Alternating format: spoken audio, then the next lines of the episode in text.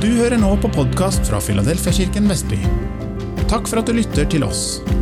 Vi håper det vil være til oppbyggelse og inspirasjon, og ønsker deg god lytting. Finn flere taler ved å søke Filadelfiakirken Vestby i din podkastapp. I dag eh, skal vi snakke om et av de mest interessante brevene i, i Det nye testamentet. Altså, alle er jo interessante hver på sin måte, men den, det hebreerbrevet er veldig interessant. Eh, så jeg har, jeg har, tenkt en liten stund på at det her hadde vært litt gøy å, å dykke ned i. Så her har vi mamma og pappa også, og for dere, så um, Ja. Stig på, stig på.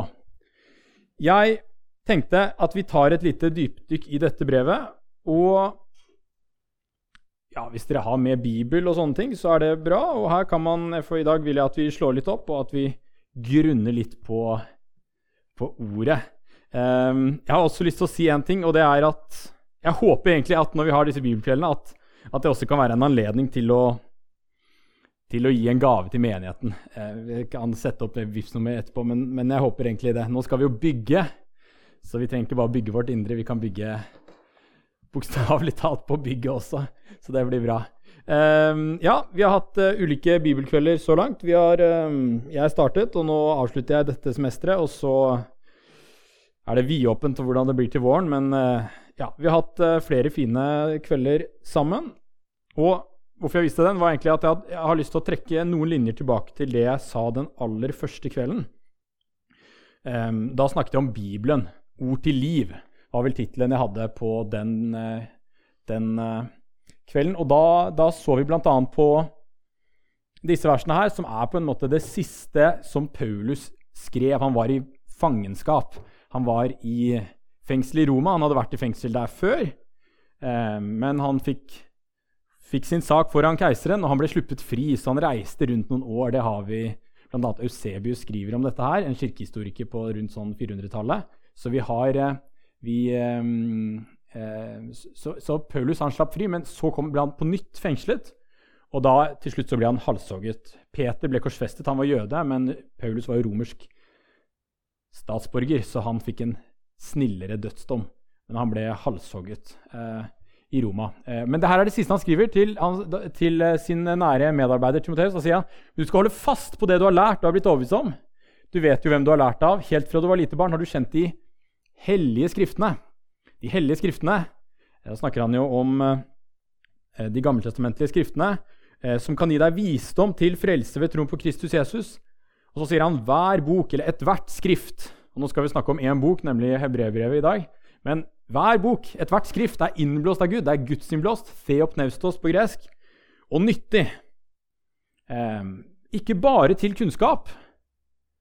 Det er nyttig til opplæring, men det er også nyttig til tilrettevisning, til veiledning, til oppdragelse i rettferd. Eh, man kan smake litt på den. Eh, og så kommer jo da Han bruker konjunksjonen eh, 'hinna', som er på en måte en sånn innleder en årsakssetning. Altså, Han sier Skriften er gudsinnblåst av Gud. Eh, nyttig til forskjellige formål. Den er ikke bare en kunnskapsbok. For at eh, står hinna, så det, eller for at mennesket som tilhører Gud, kan være fullt utrustet til all god gjerning. Fullt utrustet til all god gjerning. Det er jo Da er man godt utrustet. Hvis man er fullt utrustet til all god gjerning. Eh, og det er Skriften. Skriften er innblåst. Sånn at Guds menneske, det mennesket som tilhører Gud er, ja, Hvis man skal oversette det mer bokstavelig, så er det Guds menneske. Gudsmannen. Gudsmennesket det mennesket som tilhører Gud, skal være fullt utrustet til all god gjerning. Eh, og vi som er pinsevenner, vi, vi, eh, vi, er jo glad i Bibelen. Så Bibelen er viktig. Hva Bibelen sier, er viktig. Eh, og uh, Hebrebrevet handler egentlig litt om, ut, om å utruste, for å, for å, si det sånn. Så vi skal, vi, skal, se litt på på det. Um, så dette snakket vi om i bibelkvelden, at, eh, om, om, Skriftens inspirasjon og hva den er nyttig til. Um, og jeg prekte faktisk, når jeg tenkte på den bibelkvelden her, så, så, tenkte jeg litt i sammenheng med, med prekenen jeg holdt 21.11., um, hvor jeg leste um, Da fokuserte jeg ikke på det første, det tenkte jeg vi kunne fokusere på i dag. Men, eh, men, eh, men da, da, da, leste vi disse versene her, hvor det, hvor det står i Hebreerbrevet Derfor skal vi nå gå videre fra det vi første vi lærte om Kristus. Vi skal videre fra det første vi lærte, fram mot full modenhet. Merk dere det begrepet 'full modenhet'. Eh, det, eh, vi vil ikke på nytt legge grunnvollen eh, med hva da? omvendelse fra døde gjerninger og tro på Gud. Det, det, henger sammen. For når du vender deg fra Gud, så vender du, når du vender deg ikke fra Gud, når du vender deg eh, til Gud, så vender du deg fra noe. Du vender deg til Gud. Så det, det, det skjer på en måte i samme øyeblikk når du vender deg fra døde gjerninger og tro på Gud. Med undervisning om renselsesbad og håndspåleggelse. Nå skal det være dåp. Eh, vannet er fylt, så noen skal døpes nå. Og da begraver de gamle. Men eh, vi holder dem ikke under vann. Vi, vi, reiser dem opp og vi legger hendene på dem og ber om at de skal bli fylt med Den hellige ånd. Eh, og, og, åndens dåp. Og det er egentlig en startpakke. Jeg syns det er inspirerende hvordan eh, Reinhard Bunke og Christ for All Nations osv. Hvordan de har disse svære kampanjene. Nå, jeg har en venn som har vært litt med dem, så det er flere hundre tusener kommer der som, og, og, på disse samlingene. Og flere mennesker blir Altså, det er så mange mennesker som uh, fyller ut sånne decisions card for, uh, for Jesus. Men en ting som Reinhard Bonke gjør, som er ganske unikt, og det har han gjort helt fra starten av, uh, det er at den siste dagen så er det, er det åndsdåp. så da, da, hvis du ser noen videoer av det, så er det sånn at, at han preker det, og så er det liksom Fullt trøkk, for å si det sånn. Men det gjør han på en, en evangeliseringskampanje. Eh, og det får frem at åndens dåp er en del av startpakken. Er, er det, det er noe av det grunnleggende. Tenk på pinsedag, hvordan, hvordan uh, Peter forsynte. Og Så sa han omvend dere og la dere døpe, så skal dere få Den hellige ånds gave. Eh, når jeg var liten, tenkte jeg at Den hellige ånds gave det var at man skulle få eh, tungetalen. En nådegave. Men men det er det ikke. Eh, det kan jeg nå, for nå kan jeg gresk. At, altså, det er Den hellige ånd som er gaven. Det er Den hellige ånd-gaven man får. Tenk, Gud gir oss Den hellige ånd. Først vaskes man ren i Jesu blod, og så får man Den hellige ånd. Det er, helt, det er egentlig en del av startpakken. Um, det er, så, så, det er jo altså, legger grunnvollen med omvendelse fra døde gjerninger og tro på Gud. Om renselsesbad, altså dåp, og håndspåleggelse. Om uh, å bli fylt med Den hellige ånd. Om de dødes oppstandelse om evig dom. Og det handler jo om kunnskap om det som ligger foran. Ehm, det, det, treng, det er også ganske grunnleggende at vi må vite om uh, hva som ligger foran. Uh, jeg, jeg, sa det på den prekenen at jeg en kollega, har en kollega som jeg skal ikke si hvem da, det, som sa at jeg har mer enn nok med grunnvollen. Og det hørtes jo veldig ydmykt ut, men, men, uh, men det, det, det, kan jo bli litt dumt hvis man alltid skal legge grunnvollen på nytt. Man kan se for seg at når man, grunnvollen må legges for at du skal bygge huset som du skal bo i. Men, men du, du, du, du, skal ikke slå opp ditt telt på grunnvollen. Altså, du må bygge huset. Men vi må først legge grunnvollen, og så bygger vi huset. Og det er det han sier her, er det ikke det? Altså at uh, vi vil gå videre mot full modenhet. Full modenhet. Og her kommer altså Hebrevia er, er jo fascinerende. Eh, hva betyr full modenhet? Men altså, slik skal vi gå videre om Gud vil. Fordi eh, noen ganger så må man legge grunnvollen på nytt. Eh, det er dumt å bygge et hus på en dårlig grunnvoll. Man, så, men, men, men, eh, men eh, jeg syns det er interessante vers, er det ikke det? Det er interessante vers um, som vi må ta på alvor. Um, og hebreerbrevet handler mye om det som kan oversettes full modenhet eller fullkommenhet eller hva det nå Det, det kan oversettes på flere måter, men, men det er egentlig det dette brevet handler om. Så um, det er veldig mye interessant å si om det, og det, det skal jeg håpe jeg kan grave litt i. Um, så hva handler hebrevet om?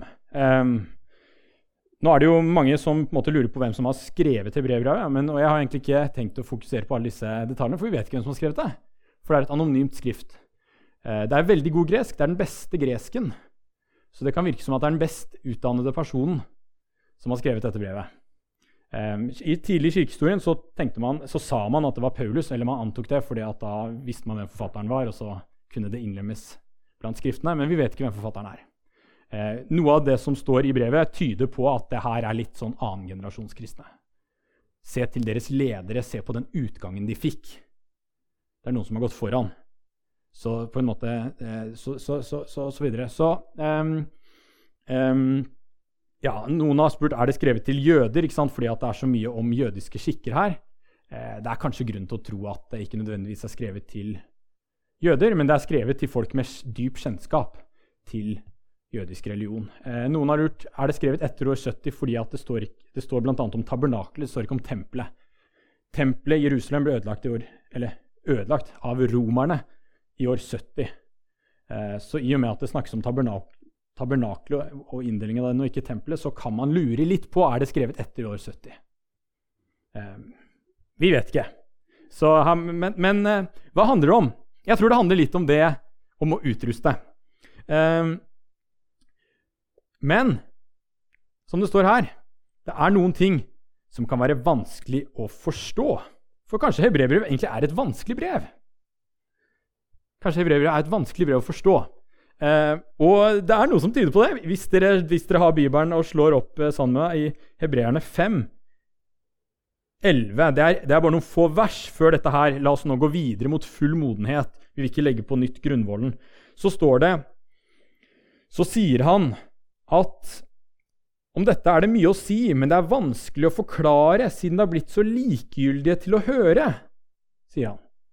Etter eh, ganske lang tid burde dere selv være lærere. Men dere trenger noen som på nytt kan lære dere det første og grunnleggende i Guds ord.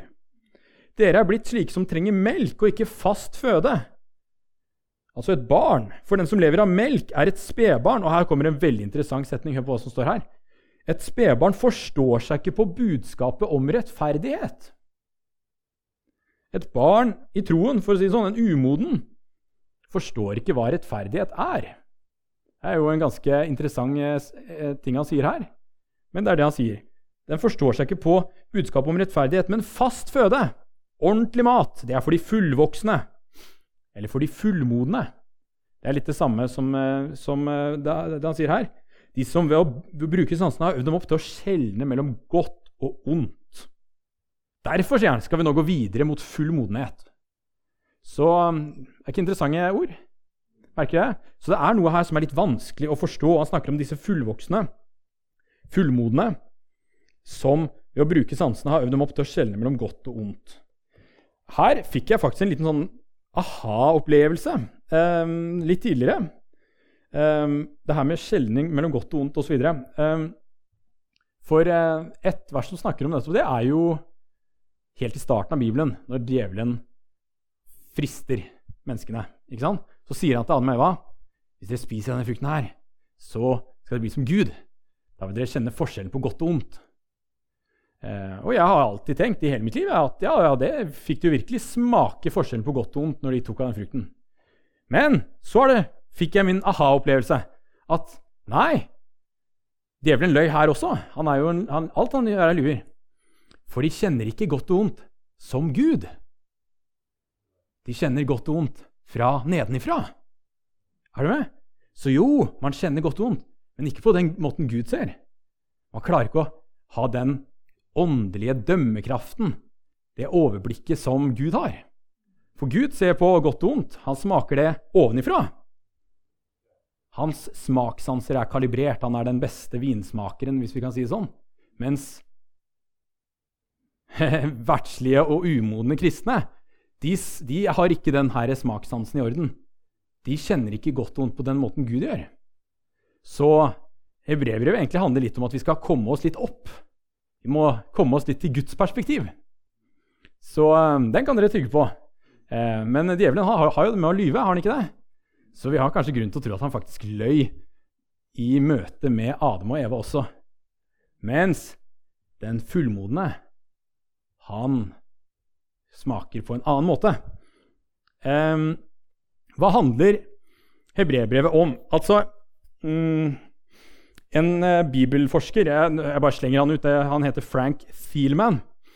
Han uh, har en bok, for jeg underviser uh, i Det nye testamentet, også nytestamentlig teologi. Eh, og da bruker, har vi brukt han som pensumbok. Og Frank Thielman, han, han, hans overskrift på hebreerbrevet er Jesus as perfecter of the faith and leader of the faithful. Jesus som den eh, troens fullender og den som leder de trofaste. Det er det han putter som overskriften på dette brevet. Eh, så når jeg da innledningsvis eh, putter den overskriften her um, Jesus troens opphavsmann fullender, så tør jeg påstå at hebreerbrevet egentlig handler ikke om at vi skal legge grunnvollen på nytt. Det handler ikke om at Jesus er troens opphavsmann. Det handler først og fremst om at han er vår troens fullender. Troens fullender. Så, og det er jo veldig spennende saker. Og på en bibelkveld der vi gjør et sånt dypdykk, så, så um, er det spennende her. Derfor skal vi nå gå videre, er det første vi lærte om Kristus, fram mot full modenhet. Og et hovedpoeng i hebreerbrevet, som er gjentatte ganger, det er se på Jesus. Se på Jesus. Um, de mest kjente versene er jo nettopp de vi snakket om. Det er fra hebreerne 12, um, 1-3. Her også ser man litt den der at han, at han vil ha et løft.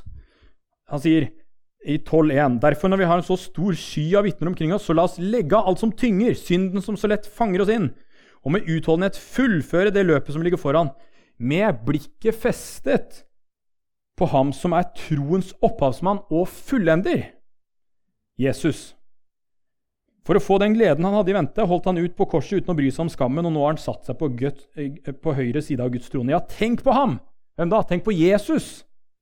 Som holdt ut en slik motstand fra syndere, så dere ikke blir trette og motløse. Så hold ut, legg av det der, og se på Jesus. Um, det er egentlig Det kan vi jo alltid snakke om, men det er veldig man, man, man, får aldri tro hvis man ser på noe annet enn Jesus.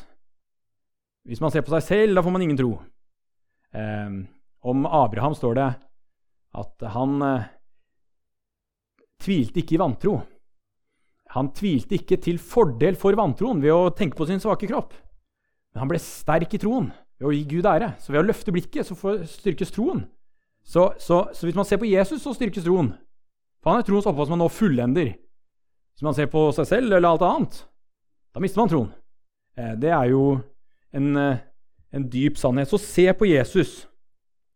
Eh, han, sier, han sier det flere ganger. Han sier i 3.1 også, det er jo helt i starten, egentlig Derfor, hellige søsken, dere som har fått del i det himmelske kallet, se på Jesus, den utsending og øverste prest som vi bekjenner. Se på Jesus. Um, vi, vi, må, vi, må, se på Jesus. Det er uh, enkle, Og hvorfor skal vi se på Jesus? Og det, det, er helt fra starten av. De aller første versene um, så sier han at i tidligere tider talte Gud på mange måter, dvs. Si i de gammeltestamentlige tidene. I tidligere tider så talte Gud på forskjellige måter. Men nå i de siste dager har han tatt oss innom Sønnen. For han er bildet av Gud. Så hvis vi på en måte har lyst til Og, og det står jo her om at han er den førstefødte blant mange søsken, eller brødre, så det er klart at Hvis vi har lyst til å se på vår bror, altså hvordan vi skal være, da, så må vi se på Jesus. Det er det vi må gjøre. For han er et, et godt speil. Så han, han, begynner, han, begynner, han er Guds bilde. Tidligere tider talte Gud på mange måter, men nå har han talt til oss gjennom Sønnen. Det er derfor vi skal se på Sønnen. For han, han sier i vers kapittel 1-3 han er utstrålingen av Guds herlighet og bildet av Guds vesen, og han bærer alt ved sitt mektige ord. Da han hadde fullført renselsen for våre synder, satte han seg med majestetens høyre hånd.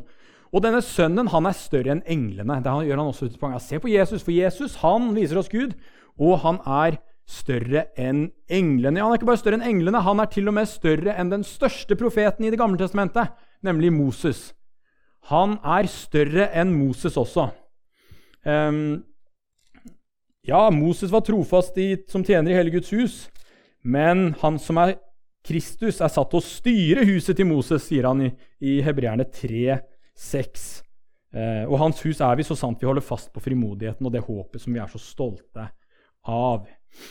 Så Jesus både, han viser oss både Gud, han er større enn engler, han er større enn Moses, og han er en øverste prest.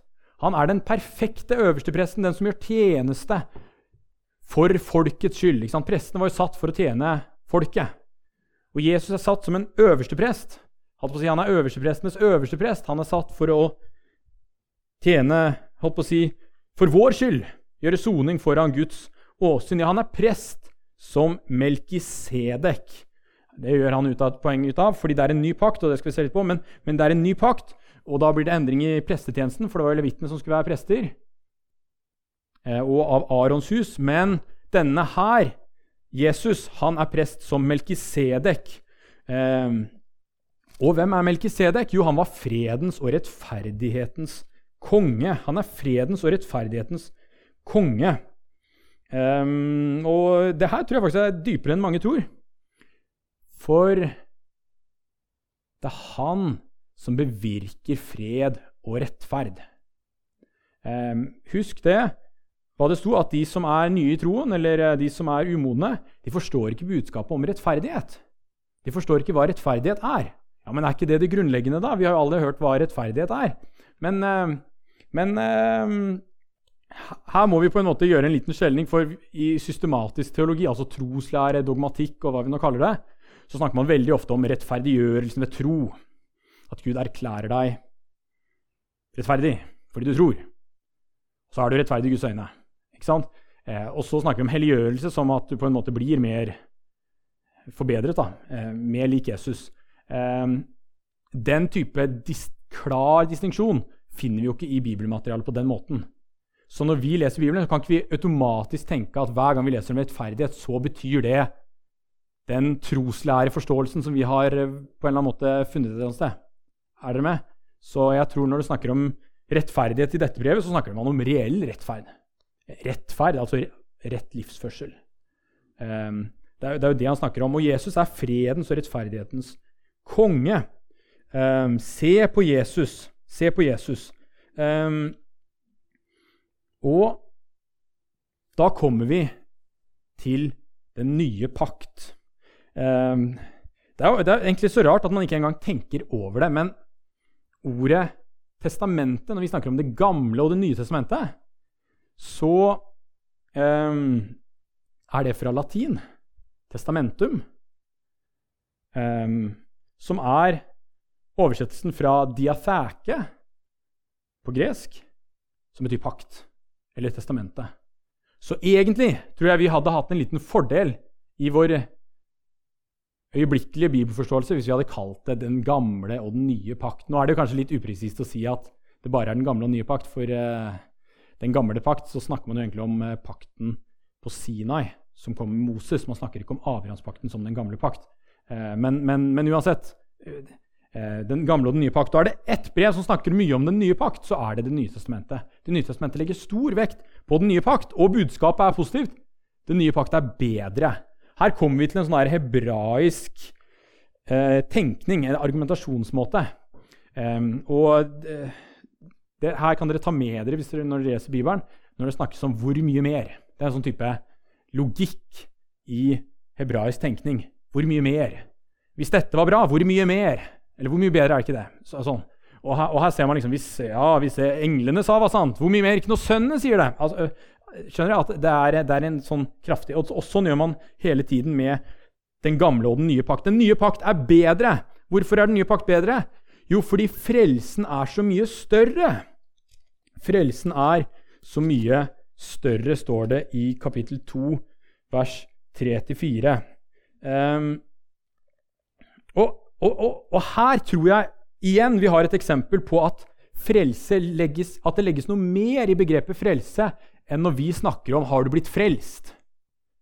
For da snakker vi som om den som eh, kommer til tro på Jesus og bekjenner han som Herre, har blitt frelst fullt ut i all forstand.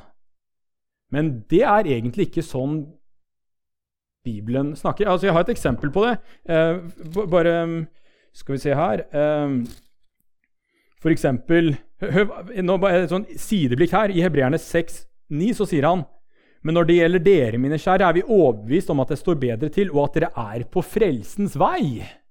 Selv om vi snakker som vi gjør. Hører dere? Så han sier dere er på frelsens vei. Så, så, så frelse er ikke en sånn fullt ut pakke i starten. Nei, kristenlivet er en vandring. Det er på en måte han holdt på å si Jesus er opphavsmann og fullender. Altså det, det, er, det, det, er, en eller annen slags prosess, en reise, om du vil. Så han sier her frelsen er så mye større. Eh, hvis vi, hvis han sier i, vers, i kapittel 2, vers 2 Hvis ordet som var talt gjennom engler, var gyldig hvor skal vi, hvordan skal vi da slippe unna hvis vi ikke bryr oss om en frelse som er så mye større? Frelsen er så mye større. Denne frelsen ble forsynt av Herren og siden stadfestet for oss av dem som hadde hørt ham. Også Gud har gitt sitt vitnesbyrd gjennom tegn og under og mange slags mektige gjerninger, hvor vi deler ut Den hellige ånds gaver etter sin vilje. Er det ikke interessant? Frelsen er stor. Og det er noe av det hebreerbrevet handler om. Det er å vise at frelsen er veldig stor. Den er mye større enn under den gamle pakt. Det er egentlig det som er uh, mye her. Men da må vi først forstå hva er den gamle pakt. Vel, i den gamle pakt så så vi at loven førte ikke frem til fullendelse. Kapittel 7, vers 11. Han sier dersom fullendelsen eller fullkommenheten eller fullmodenheten eller hvordan vi skal oversette, kunne nås gjennom det levittiske prestedømmet som folket var bundet av til loven, hvorfor måtte det da komme en prest av et annet slag, som kalles prest etter Melkisedek og ikke som Aron? Ser dere? Og merk igjen det jeg sa. Jesus er troens opphavsmann og fullender. Noe av poenget her er at denne fullendelsen kunne man ikke oppnå i den gamle pakt. Loven førte ikke frem til noen fullendelse. Hvorfor det? Ofrene kunne ikke gjøre den som dyrker Gud, fullkommen når det gjelder samvittigheten, sier han. Ofrene kunne ikke gjøre den som dyrker Gud, fullkommen når det gjelder samvittigheten. Nei, hvorfor det? Nei, i den gamle pakt så ble det båret fram offer som stadig er de samme. Man bar hvert eneste år fram de samme ofrene. Men disse ofrene som de ofret hvert eneste år for syndene, disse maktet ikke å gjøre dem som ofrer, fullkomne eller fullmodne eller fullendte. Ellers, hadde den gjort det, hadde, hadde disse gamle ofrene klart det, så hadde de vel holdt opp med å bære fram offer. For hvis de var blitt renset en gang for alle, ville de ikke lenger ha noen bevissthet om synd. Men ofrene er hvert år en påminner om synd. Men blod av okser og bukker kan umulig ta bort synder. Hva er poenget her? Jo, det er at blod av okser og sånne ting, det renser bare i det ytre. Du er like syndig fremdeles. Ingen forandring. Ingen forvandling. Er dere med?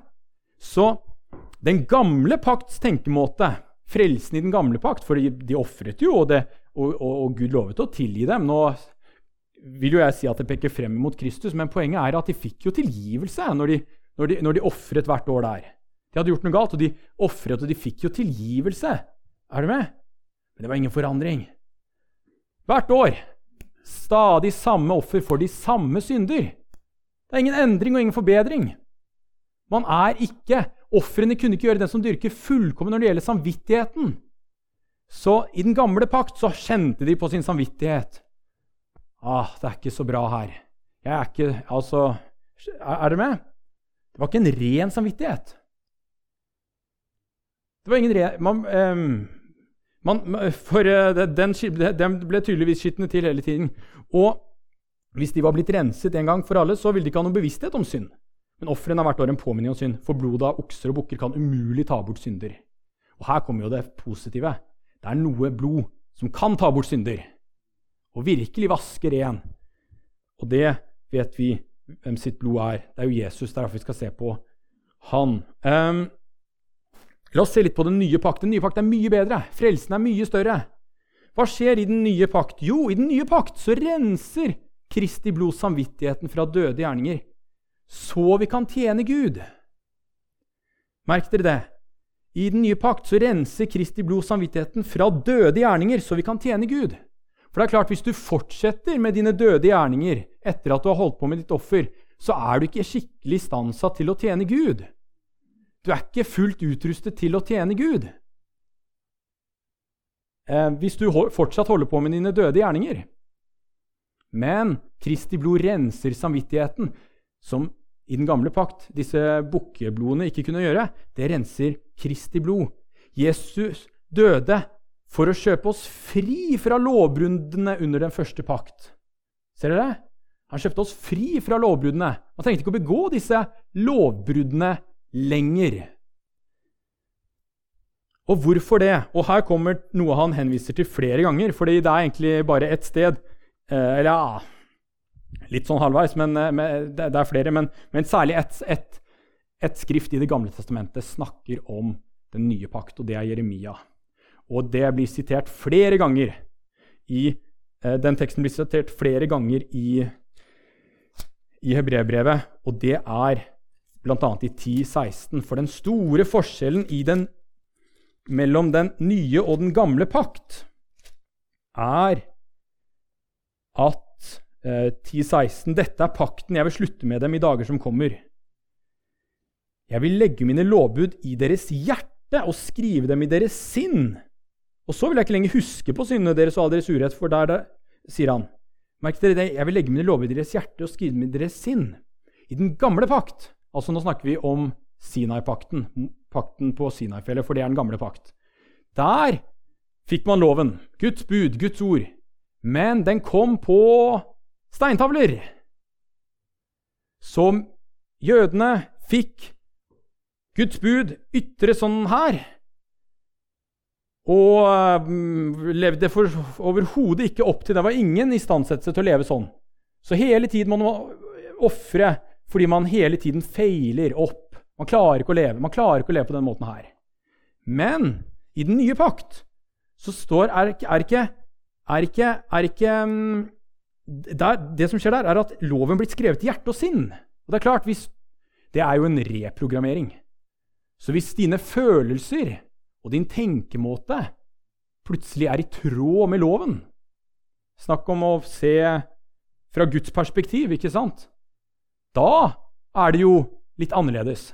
Da er det litt lettere å tjene Gud på en fruktbar måte. Fordi man er reprogrammert. Man følger ikke loven som den ytre slaven, pisken. Er du med? Her er standarden.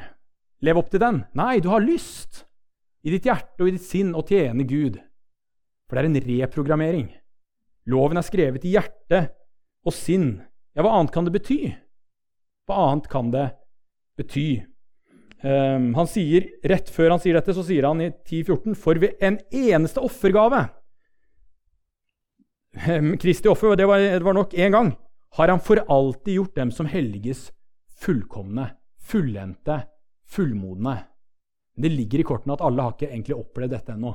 Så sier han dette er pakten jeg vil slutte med dem i dager som kommer. Jeg vil legge mine lovbud i deres hjerter og skrive dem i deres sinn. Med en eneste oppgave har han for alltid gjort den som helliges, fullkomne. Det er snakk om nytt, reelt liv. Reell forandring. Reell forandring, forvandling, hva vi nå skal si. Så den nye pakt er mye bedre. Frelsen er mye større. Der den gamle pakt bare vasket deg sånn ytre rent sånn, i den nye pakt så blir han skikkelig ren. Skikkelig ren. Det er en, det er en stor forskjell. Um, den er så mye større, så mye bedre. Og da kommer oppfordringen til oss, og det er Hold fast på frimodigheten. Det er noe han sier flere ganger. Frimodigheten snakker han om. Den der frimodigheten. Eh, han sier bl.a. i kapittel 3, vers 6. Han sier eh, at Kristus er satt til å styre hans hus, og hans hus er vi, så sant vi holder fast på frimodigheten og det håpet som vi er så stolte av. Er dere med? Det er en land Han sier her Dere som har vært kristne lenge, dere må være fortsatt frimodige. Dere må holde fast på frimodigheten.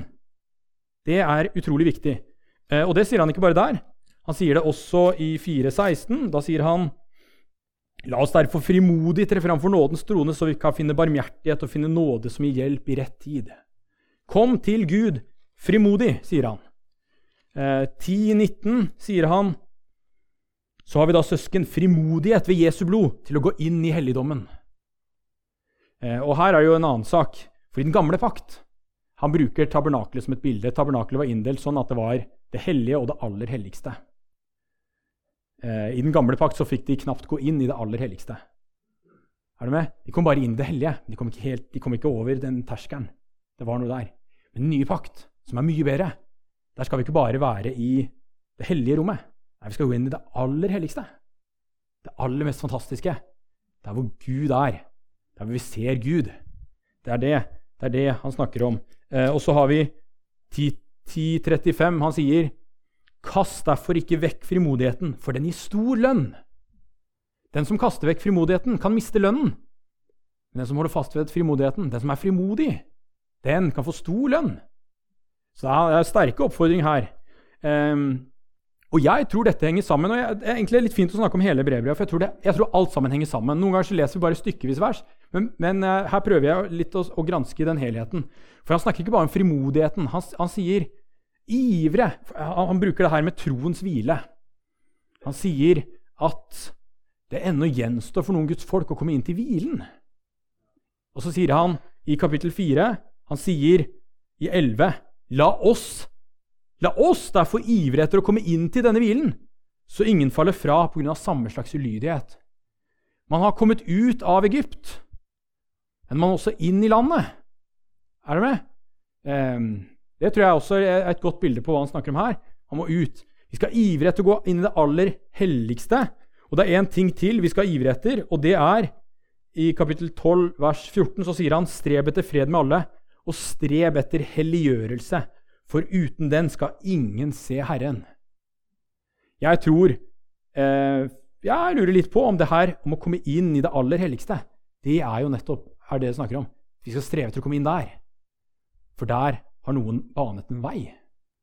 Jesus har banet en vei, han som er eh, prest på Melkisedeks måte. Um, han sier um, Uh, skal vi se her uh,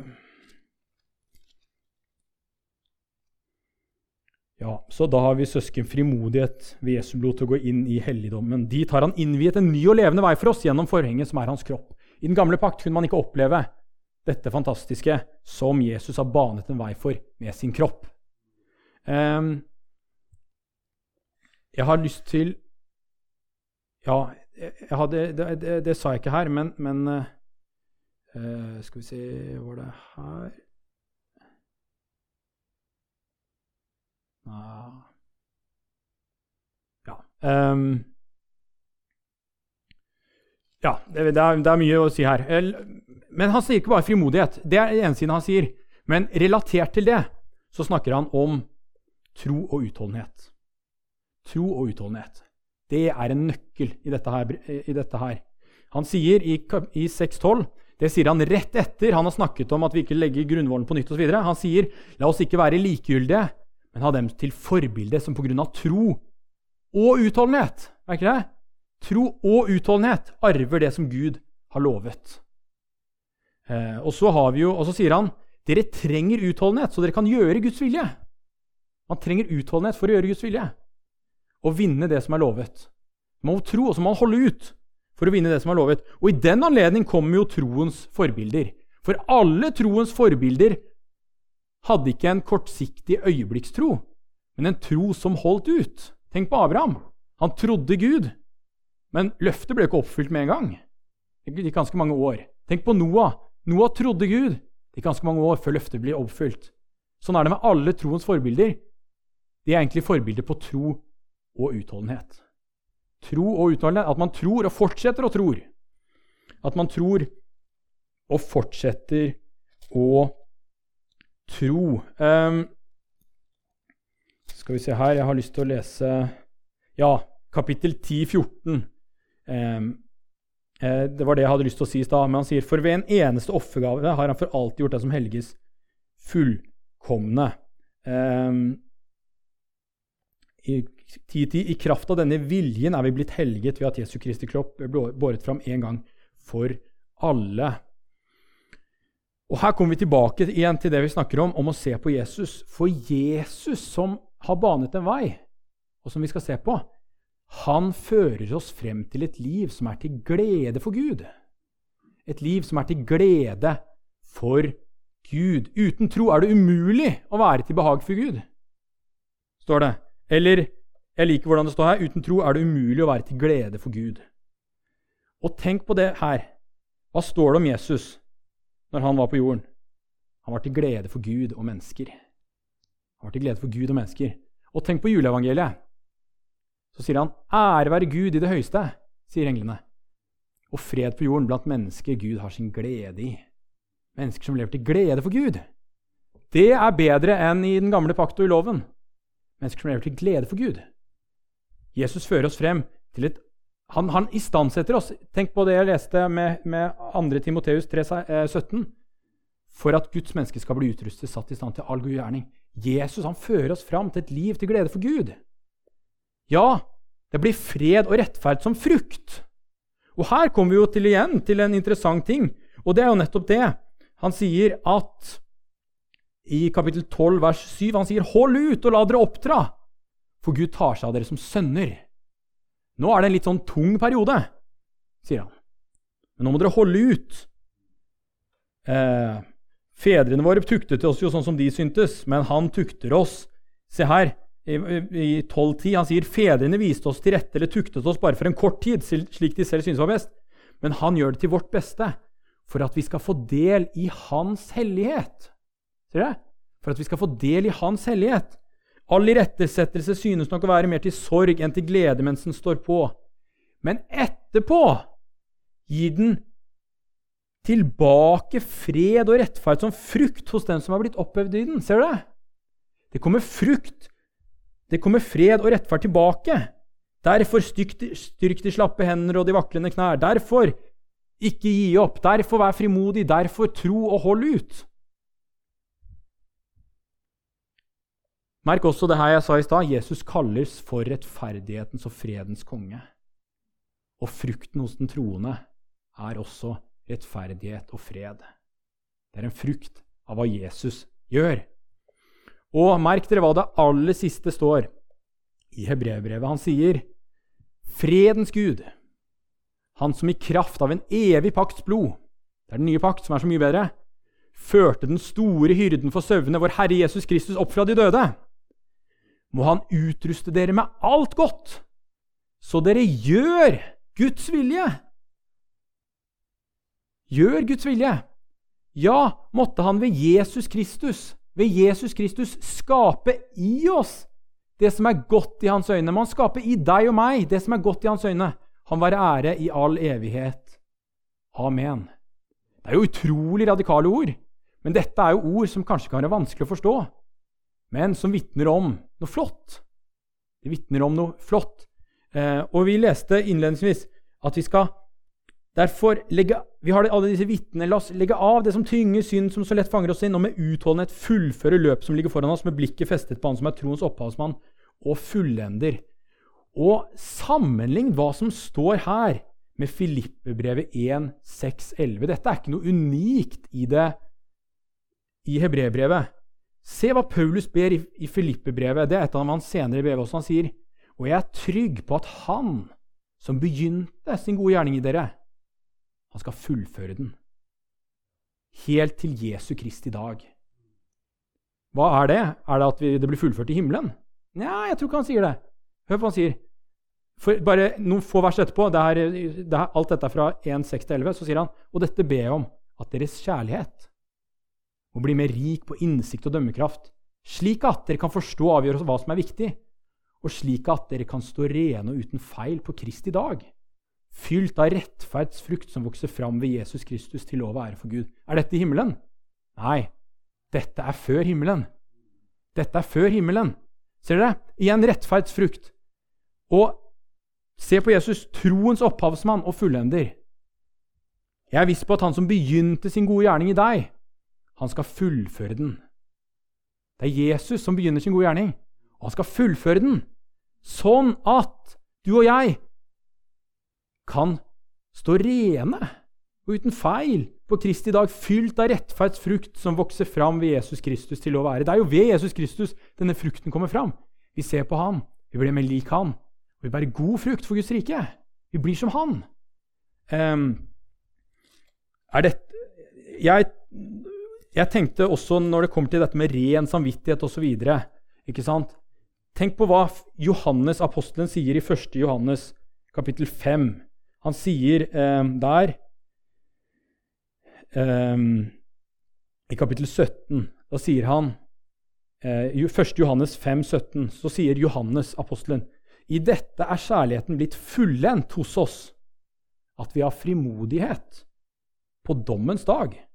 For som Kristus er, slik er vi i denne verden. I kjærligheten finnes det ikke frykt, for den fullkomne kjærligheten driver frykten ut. Frykten bærer straffen i seg, og den som frykter, er ennå ikke blitt fullendt i kjærligheten. Ser dere?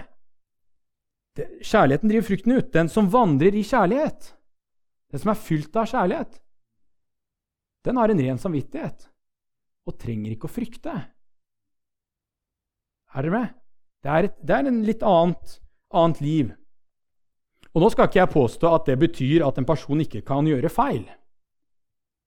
For eh, alle kan, eh, alle kan eh, snuble pga. mangel på kunnskap. Han, han snakker jo om her at må dere må dere, må dere ha mer rik på innsikt og dømmekraft, så dere kan forstå hva som er viktig og riktig. Det er klart, Hvis man har feil kunnskap, så kan man gjøre feil. Hvis man misforstår eh, ikke sant? Jeg hører barna noen ganger rope, og det høres ut som den verste krangel. 'Hei, stopp å krangle!' Det var bare lek. Er du med?